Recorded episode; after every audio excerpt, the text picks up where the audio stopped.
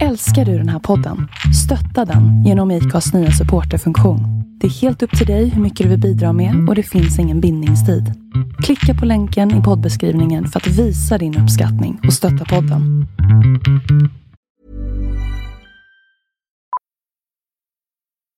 Millions of people have lost weight with personalized plans from Noom, like Evan, who can't stand salads and still lost 50 pounds. Salads, generally, for most people, are the easy button, right? For me, that wasn't an option.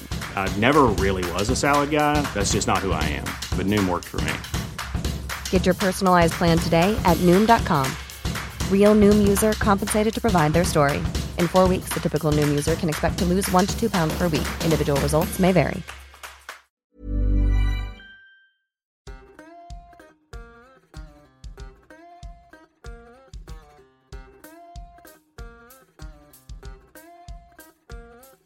För andra avsnittet i rad så sitter jag live mitt emot den människan jag eh, intervjuar. Jag har satt mig i bilen och kört till Borlänge.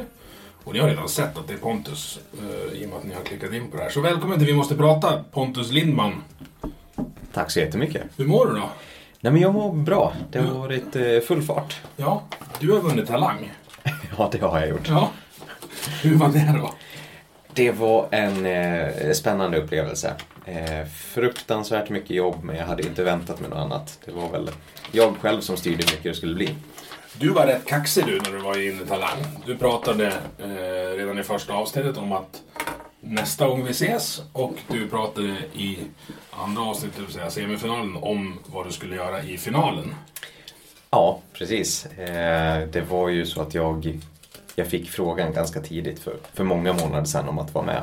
Precis, det var det som var min fråga. Alltså, du, eh, det ser ju ut på TV som att det är liksom inte random människa eller grupp som kommer in från gatan. Men är det någonting jag har lärt mig genom åren att allting som är på TV är fake. ja, men det är väl ett sätt att eh, säga det på. Det är ju, de flesta utav oss är ju castade. Ja. Eh, det är ju ytterst få som söker själva och, och kommer med i programmet. Det är nog mer söka själva, typ i Idol och något sånt. Ja, ja men det är det. Men det har ju också, om jag ska gnälla lite, det har ju också blivit tråkigare nu sen de sökande blir så mycket bättre.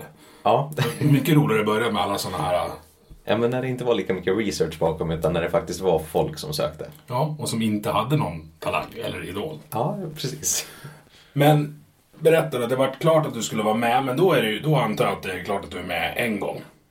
Men Ja. du hade bestämt dig för att du ska, kanske inte vinna, men till final i alla fall. Eh, ja, jag var ju ganska bestämd från första början. Eh, de ringde under tidig sommar eh, förra året då och frågade om jag ville vara med. Och då hade jag redan fått förfrågningar från bland annat Australia's Got Talent och pratade med Britain's Got Talent igen om vad jag ville göra framöver och hade ja, men, två färdiga erbjudanden. Är det samma eh, produktionsbolag eller är det bara samma varumärke? är det samma varumärke bara. Ja, så att, okej. eh, ja. Och jag hade färdiga idéer där och så började jag prata med de här och de säger att ja, men vi vill ha vattentank. Och vattentanken är ju fruktansvärt jobbig att göra. Det var den du gjorde i finalen. Ja. För, för er som inte har sett den så sitter han i en vattentank i flera minuter. Och det går ju inte att andas under vatten så det gjorde lite ont i lungorna bara att titta. Ja, ja men så det var, de frågade direkt efter det och ville att jag verkligen skulle göra det här. Men då har de sett att du kan det innan? Ja, de hade, ja, Ja. Eh, Britain's Got Talent gjorde det i första gången. Ja. Och så ville de ha den i en ny version och Australia's Got Talent ville ha den versionen också. Så ja, de var på och ville ha det där. Och jag kände väl att nej, den är jag nog ganska klar med. Och sen då så hör eh, Svenska Talang av sig och jag har ju i alla år tackat nej till det där. Varför då? Eh, nej men det har liksom inte varit fokus på Sverige. Så att de gångerna som de har hört av sig så har det varit att ja, nej alltså det passar nog inte. Men de hörde av sig och eh, tyckte att det jag höll på med var häftigt. Eh, och uppskattade liksom mitt sätt att göra det på. De nämnde inte vattentanken. så då på ganska kort tid där så säger jag åt dem att ja, men jag sätter ihop ett par idéer och hör av mig. Och på en gång så var det klart att de kommer få vattentanken om jag går till final. Och allting det här ska bli en trestegsraket som bygger upp till det här. Så jag levererade vattentanken direkt. Och på ett par dagar så hade jag skrivit klart semifinal och audition. Och förklarade för dem att så här vill jag bygga upp det. Vad tycker ni om det här? Och responsen på en gång var så här, kan du göra det här? Och min tanke var att ja, det, det kommer bli tufft och det kommer vara väldigt mycket jobb, men det är klart det går. Definiera väldigt mycket jobb. Alltså dels bara hur mycket, vad är det du gör, hur lång tid tar det och vad, vad får du det ifrån? Eh, ja, men om vi säger så här att i mars nu så hade jag 15 minuter sentid i direktsänd TV. Mm. Det krävdes 420 timmars jobb den månaden. Och vi sitter och spelar in det här på en, en lördag i Borlänge och du bara, nej men jag ska göra saker i alla fall. Så jag antar att du, du nöter på rätt mycket för att... Ja, jo alltså allting var ju färdigplanerat under förra sommaren och sen har jag jobbat varje vecka med att färdigställa allt det här. Så att det är... Ja, det, det är inte några slackdagar. Mm. Utan jag har att göra varje dag och dygnet runt om jag så vill. Du sa att du satt och skrev det. Ska vi kalla det för ett manus då? Hur, hur ser ett sånt ut? Vad är det liksom uppdelat på? Vilka, hur små tidsenheter har du? Eh, det är ner på takter till musik. Är det. Så att eh, det är liksom, ingenting lämnas till slumpen utan det är bestämt på minsta takt när jag vill att den där lampan ska gå på eller när det här ska hända, vilket ord som passar ihop med vilken ton. Så att det är liksom ner på den nivån i vissa fall. Och när det handlar om lite större prat, då har man ju liksom lite mer svängrum och marginal. Ja, är det så, när du säger att du skriver det, då är det snacket du skriver. Men jag antar att det finns ett schema för alltså, de momenten i, säger man tricken? Eller vad, Ja, vad är rätt absolut. nomenklatur? Det är liksom, Ja. Man får inte säga trolleri, utan man säger magi eller illusionist. Ja, Ja, ja, du får egentligen kalla det vad du vill. man vill ju inte kränka någon liksom. Jag är Nej. väldigt, jag är väldigt, nej det är jag inte, men du förstår vad jag menar. Ja.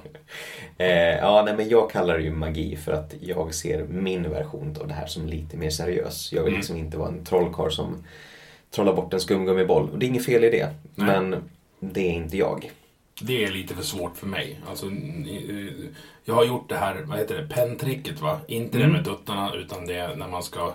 Ja, du lägger fram handen rakt i luften och så lägger du en blyertspenna på typ pekfingernageln och ringfingernageln va? Och så ska du dra upp långfinger och ringfinger ovanpå pennan. Det går inte. Jag är gjord för att öppna, mina händer är gjorda för att öppna syltburkar. Ja. Men det antar jag att det där klarar du av.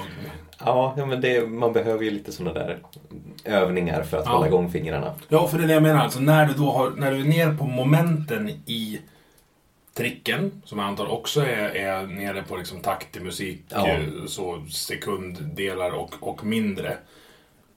Får du liksom nöta de här 420 timmarna? Är det mycket nöta samma jävla grej? Ja, Ja, det är inget för mig alltså. Jag är både kroppslig och, och intellektuellt funktionshindrad på det sättet. Ja, nej, men det är fruktansvärt mycket nötande. Och det är... Det är ju, när det just är direktsänd TV så vill du ju inte missa en enda detalj. Nej. Så att... Eh, ja, genomgående för hela den här produktionen har varit att jag är den som är först på plats och jag är den som går hem absolut sist. Så mina arbetsdagar är ju liksom ja, men på plats åtminstone 13-14 timmar. Hur ser teamet ut? Jag antar att det är trickberoende. Först var det ju i princip första, eh, vad heter det då? Ja, audition. Audition. Då var du ju i princip själv på scen med en, en vepa och lite kort. Men sen i slutet så var det 30 pers på scen. Hur Ja. många är det bakom då? Eh, nej men alltså som, som var del utav tricket sådär, vi var ju... Ja, det var ju väldigt mycket folk runt om för att liksom se till så att ja, men alla dansar och sådär mådde bra. Eh, se till så att ja, men vi höll timing, kostym och ja, men, alla sådana där delar. Så att man brukar säga att produktionen där är ungefär 120 personer. Eh, och då ser du ju egentligen bara programledaren och juryn. Ja, men då är det, då är det hela talangproduktionen. Precis. Jag tänkte hur många du har Ja, som, nej, men- som springer dina Ja, åt dig och hämtar bananer eller vad de gör. Ja, nej, men jag skulle säga att utav den gruppen så är vi nog kanske en ja, men 35 personer Mm. som var involverade i. Och de måste ju liksom vara med på vad det är som händer. Du, du lurar ju inte dem. För det är det du gör. Du lurar ju folk. Det är, jag, jag tror inte på troll. Nej, nej, nej, men precis. Alltså, de... Olika typer av personer har fått olika information. Mm. Eh, så att det är ytterst få som har vetat helheten utav saker och ting. För jag vill inte släppa all information till Nej. vem som helst. Utan de har fått sköta sina delar och sen så har de fått bli förbluffade över det som de då inte har förstått också. Ja, då är jag med. Och om vi stannar kvar vid Talang då. Eh, när du... Inte för att, för att spräcka en illusion, men när, när du presenterar en trestegsraket, då antar jag att producenten vill ha med dig på tre steg också. Eh, du behöver inte svara på det här, det är bara min fundering. eh, och de vill ha vattentanken, så du, jag kan tänka mig att du inte varit superförvånad när du gick vidare från semi. Men i finalen så är det ju folk som röstar. Ja, Och folk eh, har ju en tendens att vara konstiga. Så känslan när du står på scen där och ska få reda på om du blir vad, etta, tvåa, trea eller vad var det på slutet? Där? Ja, men precis. tvåa. Eh, hur mådde du då? då? eh, det var, det var tufft var det. Och då har du nyss hållit andan i typ flera minuter under vatten. Så att, ja. Ja, ja, men jag hade precis kommit upp i vattnet där, eh, hunnit springa ut och byta om i reklampausen så att det var ju fortfarande flås uppe. Eh, ja, det var en... Eh, de sekunderna som det egentligen handlar om, det, jag tror att det är typ 30 sekunder som de verkligen drar ut på det. Det kändes ju som en kvart. Mm. Och stå där och vänta och man såg liksom minerna på alla ute i publiken och man märker att okej, nu byter de från det här gula ljuset bakom oss till det röda, nu börjar det bli dags och ja, det var en, en väldig stress. För du håller på med sånt med ljus nere på taktslag så du märker sånt. Det där Ja. är ju sånt som de gör för att sätta stämningen till de som bara sitter och tittar Ja. eh, med, vad ska vi kalla det, vanlighetens skygglappar på sig. Ja men precis, det är ju de som tar emot upplevelsen utav alla de här Ja. små detaljerna. Eh, och jag jobbar ju med dem så att ja, sånt där går inte obemärkt förbi utan man märker ju att man kommer närmare och närmare men även om jag var väldigt nöjd med finalen där och jag kände att det hade gått riktigt, riktigt bra. Eh, de hade tagit emot det helt fantastiskt så var det ju ja, riktigt eh, svårt att stå och vänta. Mm. Ehm, Ja, och jag var inte riktigt beredd på att jag skulle vinna. För det är ofta musik och sånt som vinner i de här tävlingarna. Ja. Så jag var beredd på att eh, ja, men jag skulle bli tvåa. Men du som är lite inne på detaljer, har en, en eh, snabb hjärna har jag konstaterat här. De, vi, vi har setts innan några gånger. Ja. Eh, du hör ju, eh, kan jag tänka mig, när Lernström drar in luft. Att här kommer en konsonant.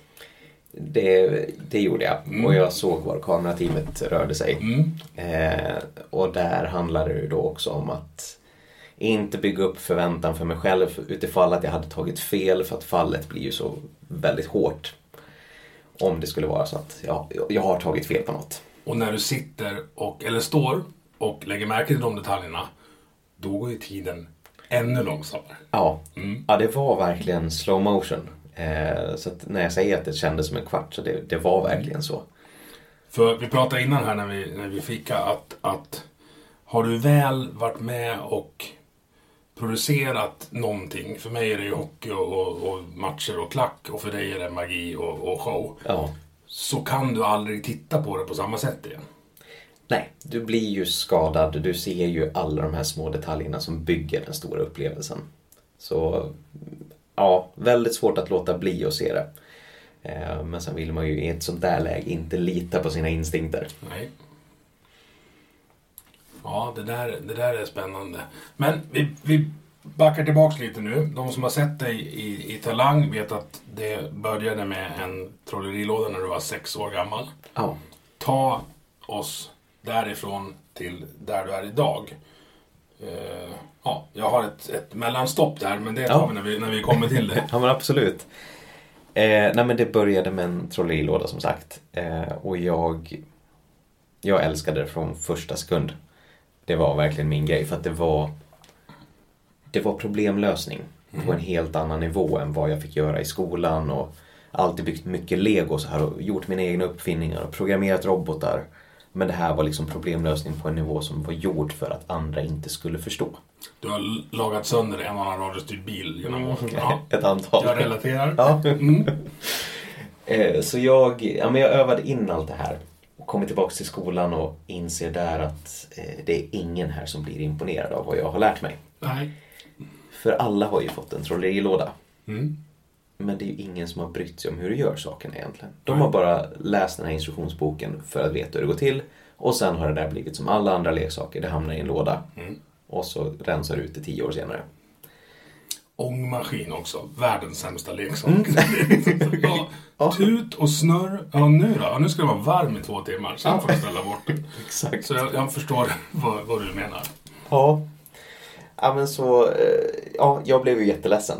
Mm. Så det här var ju ett eh, problem för mig. Eh, och det var ju svårt att liksom lägga det här åt sidan för det här var ju något jag verkligen älskade redan då.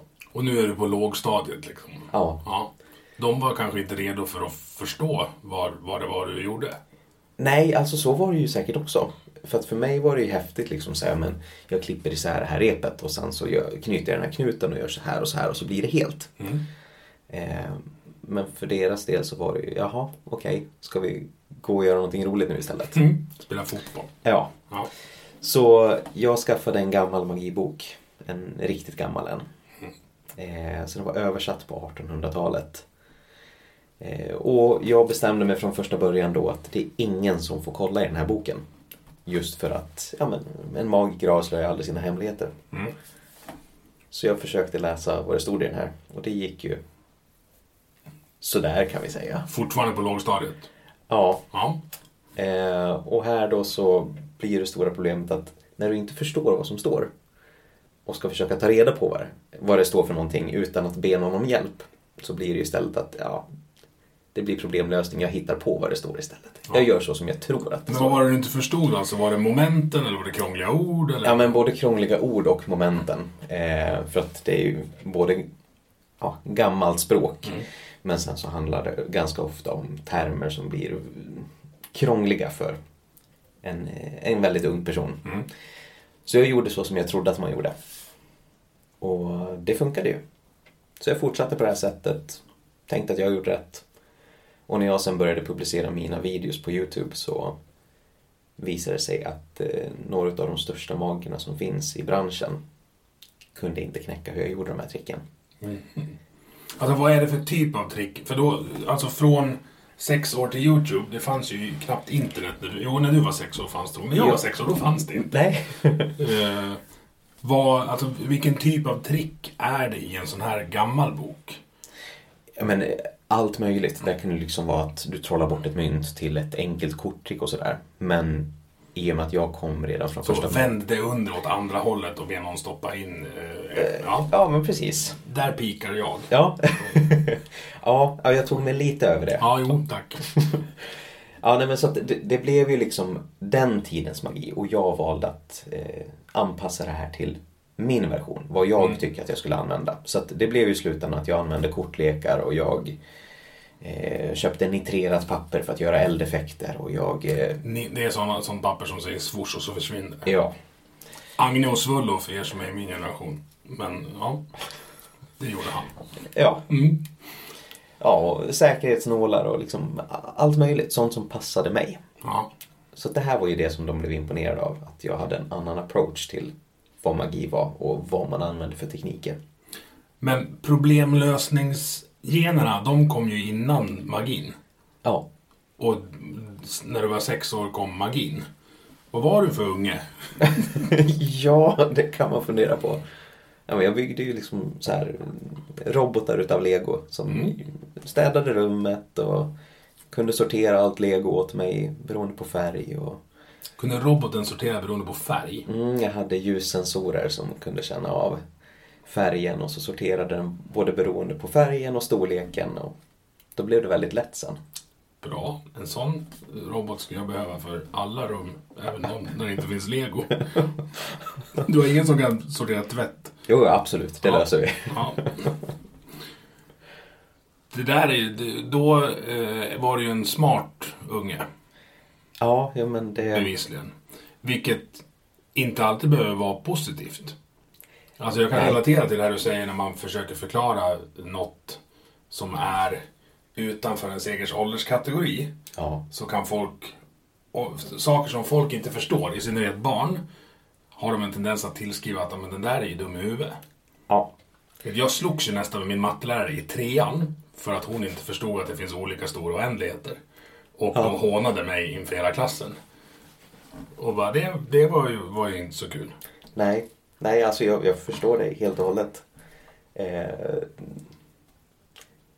det, det har alltid, jag har alltid haft lätt för mig i skolan. Mm. Eh, men det har inte alltid varit lätt i skolan. Okej.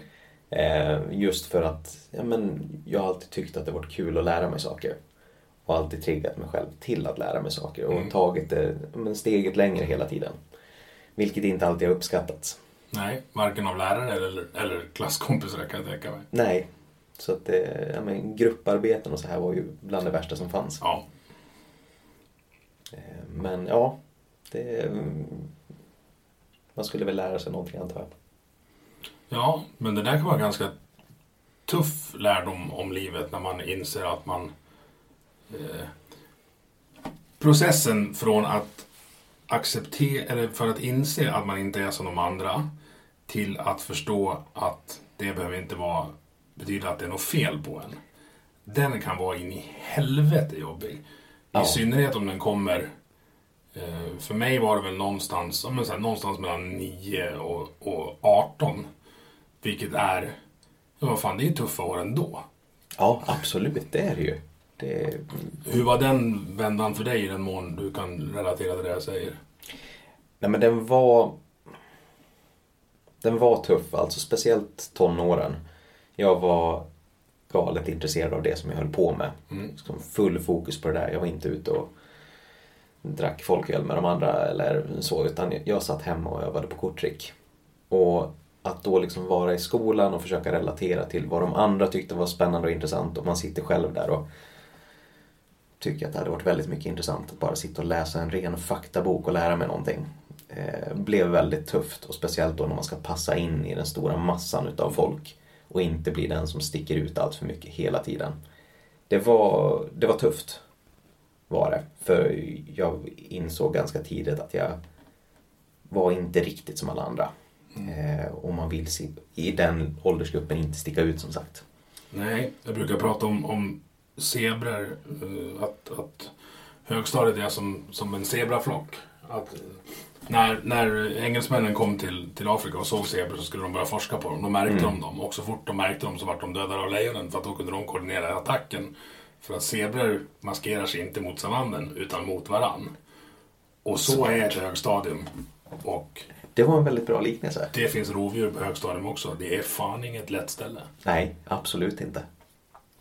Och ja, då har vi något mer gemensamt då, förutom skägg. Att det, där med, och, det där med att maskera sig mot flocken kanske inte är vårat svarta bälte. Nej, det är det inte. Men alltså var det på mobbingnivå också? Ja, alltså. Jag skulle väl inte säga att jag var... Mitt sätt att uttrycka mig då var ju, ja men jag, jag älskade metal och det, jag var svarthårig och klädde mig i svarta kläder. Jag, jag stack ut, jag syntes. Eh, och så höll jag mig till dem som, ja men gillade samma sak som mig. Men och, man blev lite utsatt då just för att man, man var inte som de andra 80 procenten. Och det var väl kanske mitt sätt att någonstans vara lite mig själv i, i den tiden när det inte gick att vara sig själv överhuvudtaget. Mm. Ehm, Det blir någon slags rustning att, att man vapeniserar sin annorlundahet och liksom eh, ja, men det där med att sluta försöka smälta in är ju befriande på något sätt. ja, det, det är det. Alltså jag tycker att jag lärde mig mycket av den tiden. Ehm, man lärde sig att vara bekväm i att vara, vara sig själv och inte behöva anpassa sig hela tiden. Ehm, men det tog många år. Ja, för som sagt, det där är en, en tuff period oavsett om man är svartrockare, magiker eller bara, bara inte kanske har hittat sig själv. Jag tyckte det var för jag, jag försökte ju passa in. Men det, det gick ju inte. Nej, Nej det, jag, kom lite till den insikten att det, det skulle bli för tufft. Ja.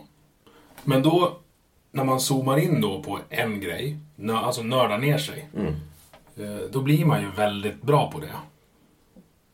Eller i alla fall väldigt, man lägger väldigt mycket tid på det. Så man har potential, tiden gör att potentialen för att bli bra finns. Ja.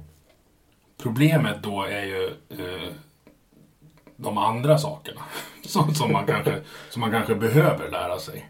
ja. Eh, jag försöker hjälpa mina liksom ADHD-ungar som jag hjälper att om du bara kommer upp på, på en good enough-nivå på det du behöver kunna. Alltså jämför det med simning. Du behöver inte bli Sara Sjöström. Du behöver fan Nej. knappt lära dig simma. Det enda du ska veta är att göra för att inte drunkna. Och om det sen, det går att applicera på liksom kost, hälsa, ekonomi, jobb, allting. Ja. Eh, Men när du lägger 420 timmar på att vara i TV i en kvart. Hur får du resten att gå ihop? Om man tänker familjemässigt och, och så. Nej men jag har... eh, Min familj är fantastiskt stöttande i allt det jag gör. Eh, och det är väl det som gör att det går ihop. För jag menar de här 420 timmarna, det är ju liksom bara jobbet under mars månad. Mm. Eh, så att det är ju en- bråkdel utav allt. Eh, men de har, de har varit med från första början och sett liksom det här, ja, men när det började på, när jag liksom blev uppmärksammad, när jag började uppträda som en 12-åring på Peace and Love. Och liksom när allting började trappa upp så förstod de ganska snart att okej, det, Vad är vi tidsmässigt då? då? Alltså, ja men eh, 12 år då, 2007, ja 2008 var första året jag stod och uppträdde. Ehm, ja, då, då började de liksom förstå att okej, det här är liksom inte bara en, ett intresse utan det här är någonting som, ja men det kan vara en framtida karriär till och med. det, kommer, det kommer vara det här. Och sen om... För ja, det där är också intressant. Det där med karriär. Eh, när man upptäcker att ens barn har ett specialintresse så tror jag att man ska odla det. Eller hjälpa dem odla det. Kanske inte se det som en karriär för då man kan sitta, man kanske är truck på dagarna och gör sitt intresse på, på kvällen. Ja. Men Alltså, hindra inte era ungar från att, att brinna för något. För att när man börjar brinna för något, oavsett om det blir pengar av det till slut, det är då du hittar rätt människor att hänga med. Ja, absolut. Och folk som inte brinner för något, helvete vilka ointressanta människor. Ja, och, och det blir liksom... Även om man inte har hittat vad det nu är man brinner för, eller alltså vad anledningen än är, så tycker jag att det är... Det, det blir nästan att man tycker lite synd om någon för att det blir en... Min passion för det jag håller på med är så pass stor och den driver mig varje dag. Det är ju liksom en, en ren lycka att få hålla på med det jag gör. Hey, I'm Ryan Reynolds. Recently, I asked Mint Mobile's legal team if big wireless companies are allowed to raise prices due to inflation. They said yes. And then when I asked if raising prices technically violates those onerous two year contracts, they said, What the f are you talking about, you insane Hollywood ass? F- So to recap, we're cutting the price of Mint Unlimited from $30 a month to just $15 a month. Give it a try at mintmobile.com slash switch. $45 upfront for three months plus taxes and fees. Promo rate for new customers for limited time. Unlimited more than 40 gigabytes per month. Slows. Full terms at mintmobile.com. Ever catch yourself eating the same flavorless dinner three days in a row? Dreaming of something better? Well, HelloFresh is your guilt-free dream come true, baby. It's me, Kiki Palmer. Let's wake up those taste buds with hot, juicy pecan-crusted chicken or garlic butter shrimp scampi. Mm. Hello Fresh. Stop dreaming of all the delicious possibilities and dig in at HelloFresh.com. Let's get this dinner party started.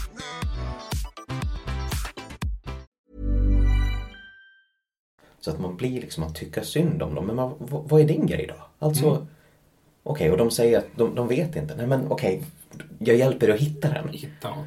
Men det är kanske det, alla kanske inte är så. Nej, så, är det ju. Och det är väl kanske problemlösaren som har ett problem där med att behöva lösa det som inte passade in. Nu tänker du som familj, när du är 12, då är det ju Ja. mamma och pappa antar jag. Är det, har du syskon också? Ja, men det Ja. har jag. Så Eh, de, de börjar förstå att, jaha, det är det här Pontus ska jobba med. Eller göra. Ja, nej men det blev ju då att de, de började ställa upp. De började köra mig på gig runt om lite överallt och de... Eh, det var någonting som behövde tillverkas. Då, Okej, ja men då... Pappa tar på sig att göra det där. Okej, och jag behöver göra en hemsida. Hur, hur lär jag mig det här bäst innan dess att jag kan börja plugga sånt? Ja men då mamma har jobbat inom det där så då hjälper hon mig med det. Så att de har alltid hjälpt mig sådär. Och med åren när det här liksom blev mitt jobb så har de blivit ännu mer involverade i allt. Och förstått att all den här hjälpen som, som de nu ställer upp med är det som möjliggör. Alltså att ja, jag, jag kommer inte hinna med att laga mat till exempel. För att jag kommer jobba 420 timmar den här månaden. Eh, då är min sambo och mina föräldrar och alla runt om helt fantastiska och ställer upp med allt det. För de vet att när jag har gjort det här, då kommer jag tillbaka och så är jag mig själv. Ja. Och när du går in i det så berättar du, eh, det här är, antar jag, att det här, är, det här är avsikten med den här tiden. Det kommer se ut så här. Jag kommer behöva er hjälp med de här grejerna. Och i slutändan kommer det kunna leda till det här. Ja, Hade du bara försvunnit, alltså där, sluta laga mat och, och börja jobba 14 timmar per dag utan att berätta det för dem, då blir det svårare att få med sig folk. så är det ju. så att de är ju del i hela processen. De är, eh, de är många gånger mina nej-sägare. Mm, det är bra. Eh, Ja, jag behöver det. För jag ser möjligheter i allt och jag kan... Om någon säger att det inte går så är min uppgift att visa att det går. Så där är det bra att jag har nej-sägare. Och eh, kanske landa lite, lite grann ibland. Och gå och lägg dig nu Pontus säger, det kanske också behövs. Det, det behövs. Mm, det, förstår- det har förstår. vänner och allting börjat med nu. Peace and Love 2008. Jag kommer inte ihåg vilka artister det var här, men jag var väl här och härjade eh, säkert. Men vad var det för, för gig? Vilken typ av trick kunde du då som, som 12-åring? Hur avancerat var det? Nej men det var ganska avancerat. Det var liksom så här, det var tankeläsning redan då. Eh, gå fram till någon, ge dem en kortlek, ta ett kort, tänk på det. Och sen så liksom ställa lite enkla frågor så här och försöka lista ut vad de har valt för kort. Eh, så min uppgift var ju både att gå runt på området och göra små shower lite här och var på, ja men, 10 minuter, en kvart på varje ställe. Till att sen också köra backstageunderhållning för artisterna. Sådär. Men då vet du vilka artister det Vilka år var det? 2008 sa du. Vad var det för artister? Vilka, vilka var dragplåster då? Eh, ja, nu ska vi tänka här. Det året var 28 har jag för mig att det var Sex Pistols och det var In Flames bland annat. Det gillar ju rock Pontus från, Ja. från eh, högstadiet. Ja, ja men det var, det var jättekul och då var... Ja, jag gick där med min, med min moster och hennes man och vi träffade på Anders Fredén som var sångare i In Flames. Ja men det var, det var en riktigt bra början på alltihop. Eh, hade jag någorlunda rätt? Jag sitter och googlar nu. Nu ska vi se här. Eh, 28. Men det var inget 28. Jo då. Jo. jag höll på idag och rensade igenom en massa tidningsurklipp och sådär och hittade en av de här artistböckerna. Där ja, jag som 12-13-åring var med. Så det var lite roligt. Det är bra. Har vi Sex Pistols, Chao, Kent, Håkan Hellström, In Flames. Ja, Det, var, det är bra, bra eh, laguppställning. Funderar på vilka år det var jag var här och jobbade. Det är helt ointressant. Jag fick träffa Lemmy i alla fall. Det var, det var jävligt coolt. så det är en bra dag. Lemmy och Timbuktu eh, samtidigt. Två olika delar av musikvärlden. och kvalitetsmässigt också. Eh, nej, det var intressant. De hade verkligen en hel ölkyl med Jack Daniels i tältet på Stationsgatan. För att det skulle de ha. Det är helt rätt. Det var jätteroligt. Nu hamnade vi i, i så här semi-utanförskap i skolan, vilket vi- det är fan bara sådana människor jag har med i min podd. Jag vet inte vad, vad det är för magnet. Nej, men det kanske är sådana människor som blir, som blir fräna. Ja, men jag tror att man, man får tid till att eh, tänka igenom saker och göra på det sättet man vill. Och när man då blir bekväm i sig själv och har hittat sig själv så är det inget att fundera på. Då har man redan kommit fram till vad man ska göra och hur man vill göra det. Eh, Och med, med driv då så, så underlättar det. Ja. Jag, har fortfarande, jag har fortfarande ingen aning vad jag ska bli när jag är stor. Eh, Men jag vill ha kul på vägen. Det är det jag har kommit fram till. Ja, det är väl en bra insikt. Ja. Eh, från sex, sex år, 12 år Peace and Love. Sen nämnde du det här YouTube-grejen Ja, av de gamla sakerna. Fattar du direkt vad, alltså kraften i on demand-video på nätet. Klickade det hos dig? Eller hur smög det där sig på? Nej men det, det klickade ganska snabbt att det här, gör man det här på rätt sätt så ger det bra effekt. Eh, så jag hoppade på det här tåget på en gång och insåg att ja, men de här nu som har uppmärksammat det här, de är ju liksom störst i branschen av en anledning. Och det är de jag vill associera mig med. Hur, hittade, alltså, hur märkte du att de hittade dig då? Eh, De eh, ringde. Jo. Eh, Så det var ju lite absurt. Det ringer då en av mina, en av de personer som jag såg upp mest till inom branschen. Du, nu får du lov att namedroppa här. Ja men han hette Dan Huss. Ja. Eh, jätteduktig close-up magiker. Helt fantastiskt duktig. Och det var liksom så här, men drömmen var att göra det han gjorde. Liksom det här riktigt närgående och in, ja, men den intima upplevelsen av magi. Eh, Det är väl det. Alltså jag tycker det är den fränaste. Alltså jag har blivit så blåst av så... Alltså man tror. För att vi satt här innan och jag bara så, ja men det där och det där och det där, så här och så här gör man. Och du bara, mm, ja kanske. Men att sitta framför någon med en kortlek eller mynt och så bara försvinner skiten framför en. I ett träbord. Det ska inte gå. Nej, nej men det, det ska ju inte det. Och det är ju precis det där man vill efterlikna sen när du liksom gör i de större uppsättningarna. Så att man inte tappar, eller det är i alla fall min tanke om det. Eh, man, det är inget fel att göra en illusionsshow, men det är inte jag. Jag vill att det ska vara en personlig och intim upplevelse. Hur definierar du illusion- illusionsshow? Alltså är det så här Labero-gänget? Ja, men Labero gör ju väldigt mycket illusioner. Ja. Så är det. Eh, det är oftast ja, men, stora kulisser och stora rekvisita och ja, men, storslaget. Eh, och jag vill gärna göra storslaget fast med mindre rekvisita och mer fokus på vad det faktiskt är som händer och knyta ihop det med en historia. Så ja, eh, jag håller helt med dig. Den, den intima upplevelsen är den absolut bästa. Vad sa uh, han när han ringde då? Din idol? Nej men det var ju som sagt att de, de hade sett de här tricken då och det var framförallt ett trick som de fattade verkligen inte hur det går till. De hade inte sett någonting liknande någon gång. Ligger det kvar på Youtube så vi kan länka det i... Nej det gör inte Nej. det. Eh, för jag, eh, jag sålde rättigheterna till tricket. Oh, det där businessmodellen, det ska vi prata om senare. Ja. ja. Så det slutade med att jag, eh, jag fick åka över till USA för att börja konsulta åt de här och utveckla trick tillsammans med dem. För just branschen och för andra magiker i och med att Och hur gammal är du när du åker över då? ja, när vi började jobba så var vi väl kanske strax innan 15 skulle jag gissa och jag åkte över och gjorde ett stort projekt när jag var 16.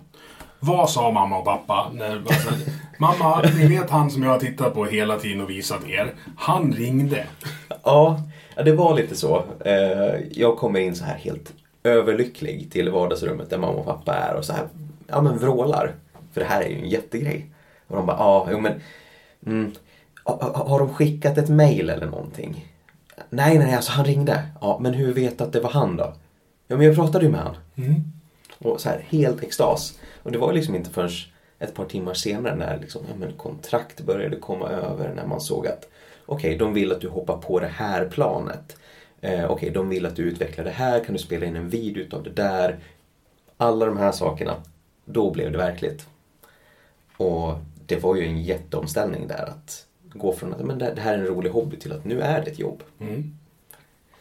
Så det var, ja, de förstod på en gång då att det, det här är liksom ingenting som går att vänta med utan de förstod att jag ska till USA och jag ska göra det här projektet för det här i början. Ringde de och pratade med någon på andra sidan Atlanten och bara Kommer ni att möta upp han nu? Så. Ja, men det började ju lite sådär. Eh, liksom planera ihop det hela. Hur, hur bygger vi eh, den här resan på bästa sätt? För jag menar, ja, men som, som 16-åring, du... Ja, jag menar vi hade varit ute och rest en del och hade fam- eller har familj i USA och sådär men fortfarande liksom inte världsvan och inte varit ute i arbetslivet och speciellt inte Vilken internationellt. 16-åring är världsvan? Alltså det ja. Nej, nej men precis. Så det, det var ju där det började. Och sen eh, ja, har det bara blivit värre. Det, det börjar med liksom enkla trick, åker över dit och spelar in det här, lär dem så här exakt ska du göra och sen släpps då det här till den stora massan utav magiker runt om i hela världen. Ja, vi, alltså vi kan stanna där. Den, den processen eh, tror inte jag att folk vet om. Och det är för att jag har nördat ner mig i någon så här Penn and Teller-dokumentär för jättelänge sedan. Eh, alltså det finns en marknad för trick. Hur ser den ut? Den är, den är brutal. Mm. Är den. För att det är ganska mycket stölder och skit och... Ja, berätta. Ja. Eh, jag blev... Eh, jag har ju hållit på med det här väldigt länge och det var ju inte första gången jag försökte liksom att få uppmärksamhet från de här stora profilerna inom branschen. Utan jag hade ju tidigare skickat mina idéer till folk och så här, men tycker ni om det här? Det här skulle vi kunna producera tillsammans. Det här är ett snyggt och häftigt trick. Och de svarar liksom, ja men det, här, det var snyggt. Och sen hör man inget mer. Och sen får du se det någon annanstans. Mm. Åh, vad arg man blir. Så det har liksom hänt, ja, när, som ung tonåring innan det här genombrottet då, så det hade hänt åtminstone fyra, fem gånger. Och då var det liksom, ja men trick som folk fortfarande idag använder. Liksom bra varianter. Jag säger inte att jag var den enda i världen som tänkte på dem i och med att det var ganska, ganska simpla trick ändå, men fortfarande bra. Så det kändes ju fruktansvärt jobbigt att bli blåst. Och branschen är tyvärr lite sådär, man måste vara noggrann med vad man kommer på och se till så att man exponerar det rätt. Mm. Så att man vet att men det här har jag claimat, det här är mitt trick. Eller det här är mitt sätt att göra det på. Så när det då kommer till en sån här marknad där du då ska sälja så man brukar säga att det är ungefär 95% utav magiker som köper massor utav trick och så här och ja, men uppträder, de köper licensen för att framträda med det här materialet och 5% producerar. Så det blev ju helt plötsligt att jag gick från att ja, vara den som lär mig genom att köpa licenser till att vara en av de som producerar.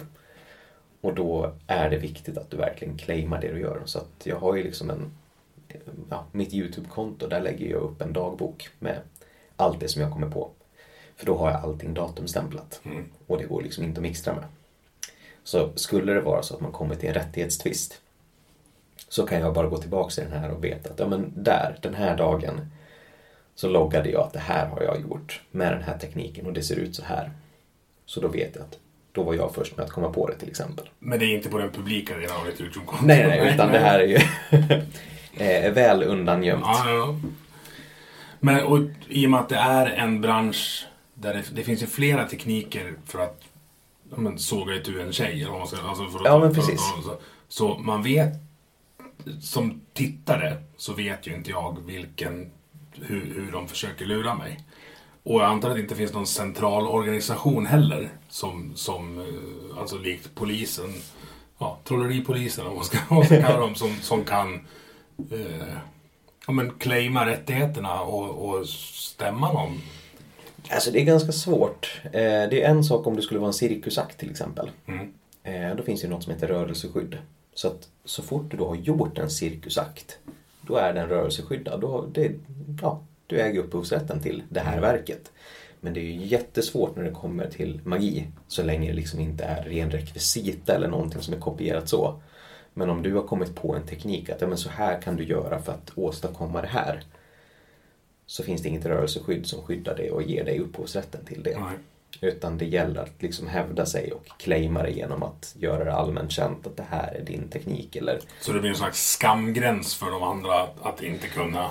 ja men lite så eh, faktiskt. Och det är lite tråkigt att det är så. Men de flesta i branschen, de flesta seriösa aktörer har ju en heder med att man Ska du använda någon annans teknik till exempel, ja, men då ser du till att ja, men då har du varit med och stöttat ens projekt. Du har, du har köpt eh, det verket till exempel och bidragit till Ja, för när man, när man tittar på dig, eh, framförallt om vi, vi utgår från talang nu då, för att det, det är det som, som de flesta kanske känner igen dig från. In och kolla på YouTube också naturligtvis efter det här. Men, men hur ska jag säga det här utan att, utan att du blir arg? Det är alltså...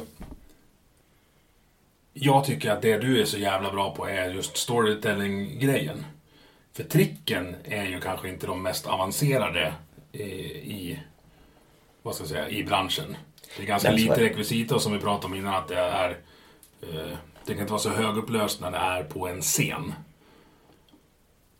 Så att då, det, det förklarar ju lite det här med att det kan finnas tekniker och trick som du plockar upp och sen paketerar du om dem lite, ja, men du, du dramatiserar det på, på ett sätt. Är jag, Ja. är jag snett ute?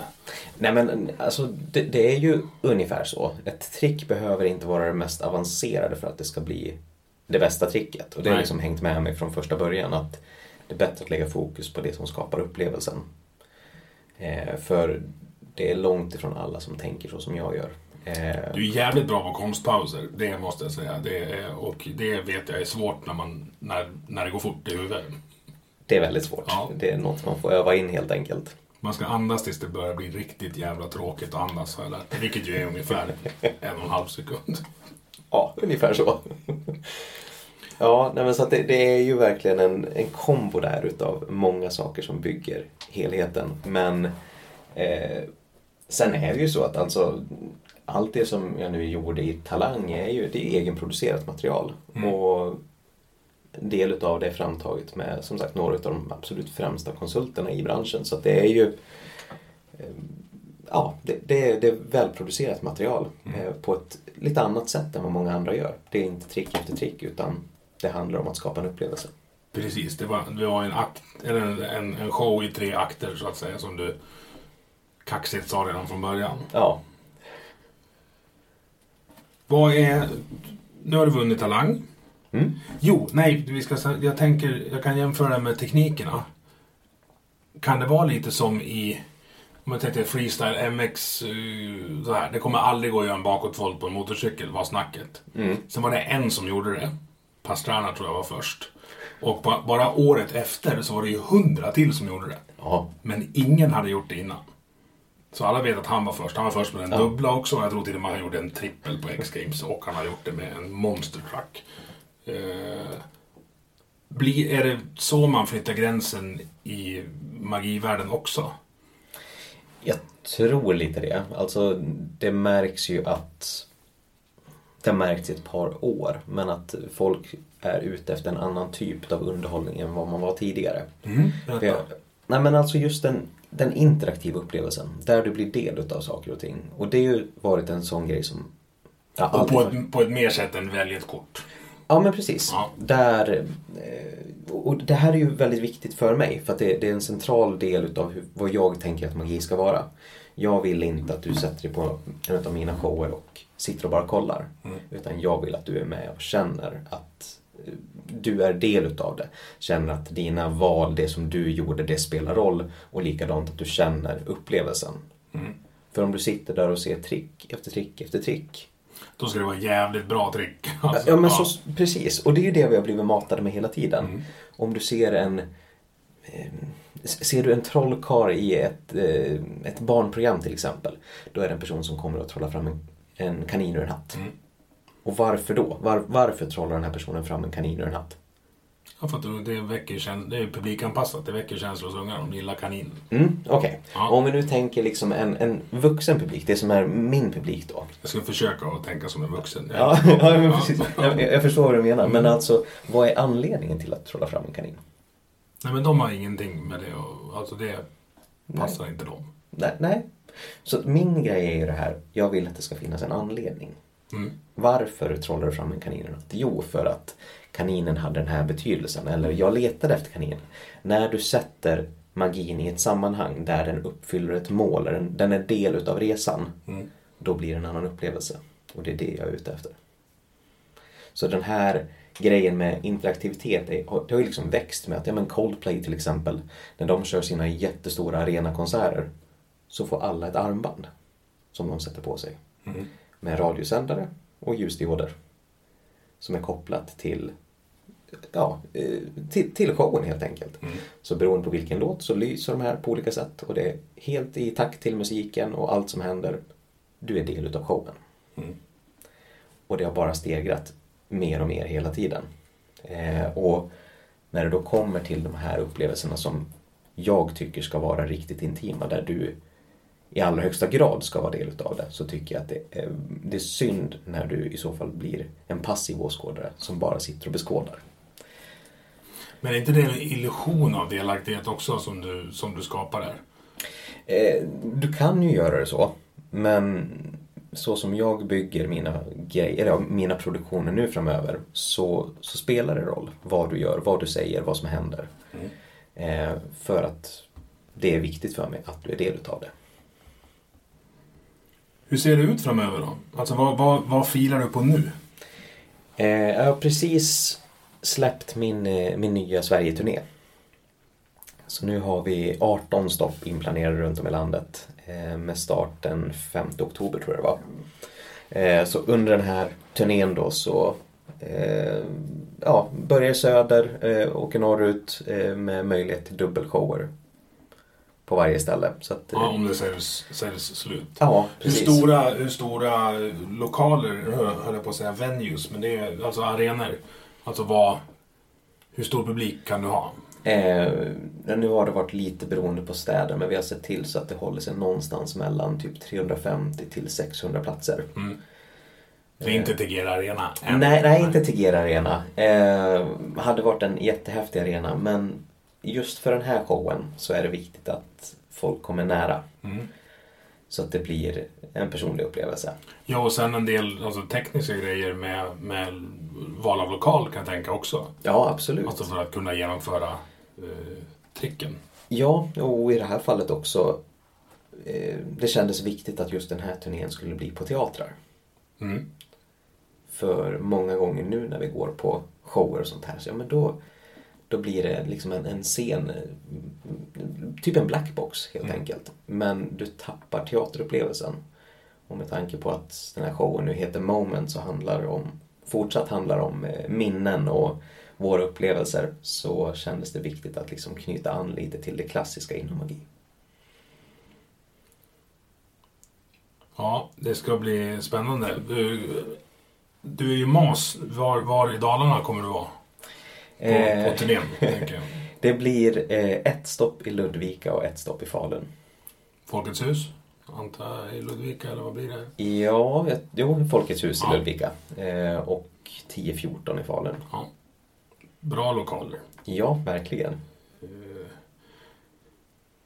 Så då får ni så här, boka biljett. Har du släppt biljetterna? Ja, biljetterna släpptes i fredags. Bra. In och boka om de ens finns kvar. Eh, annars går ni in och följer dem på Youtube. Och har ni inte sett de här tre grejerna i Talang så eh, gör det. Nu ska Pontus få försöka lura mig lite här. Eh, stort tack för att du var med i Vi måste prata. Tack så jättemycket. Du har lyssnat på Vi måste prata som produceras av mig, Emil Nilsson. Tycker du om det du hörde? Dela avsnittet med dina vänner och på sociala medier. Vill du stötta podden kan du göra det via Patreon där du hittar den på patreon.com snedstreck vi måste prata i ett ord. Eller så swishar du en slant till nummer 123 671 46 79. Vi hörs!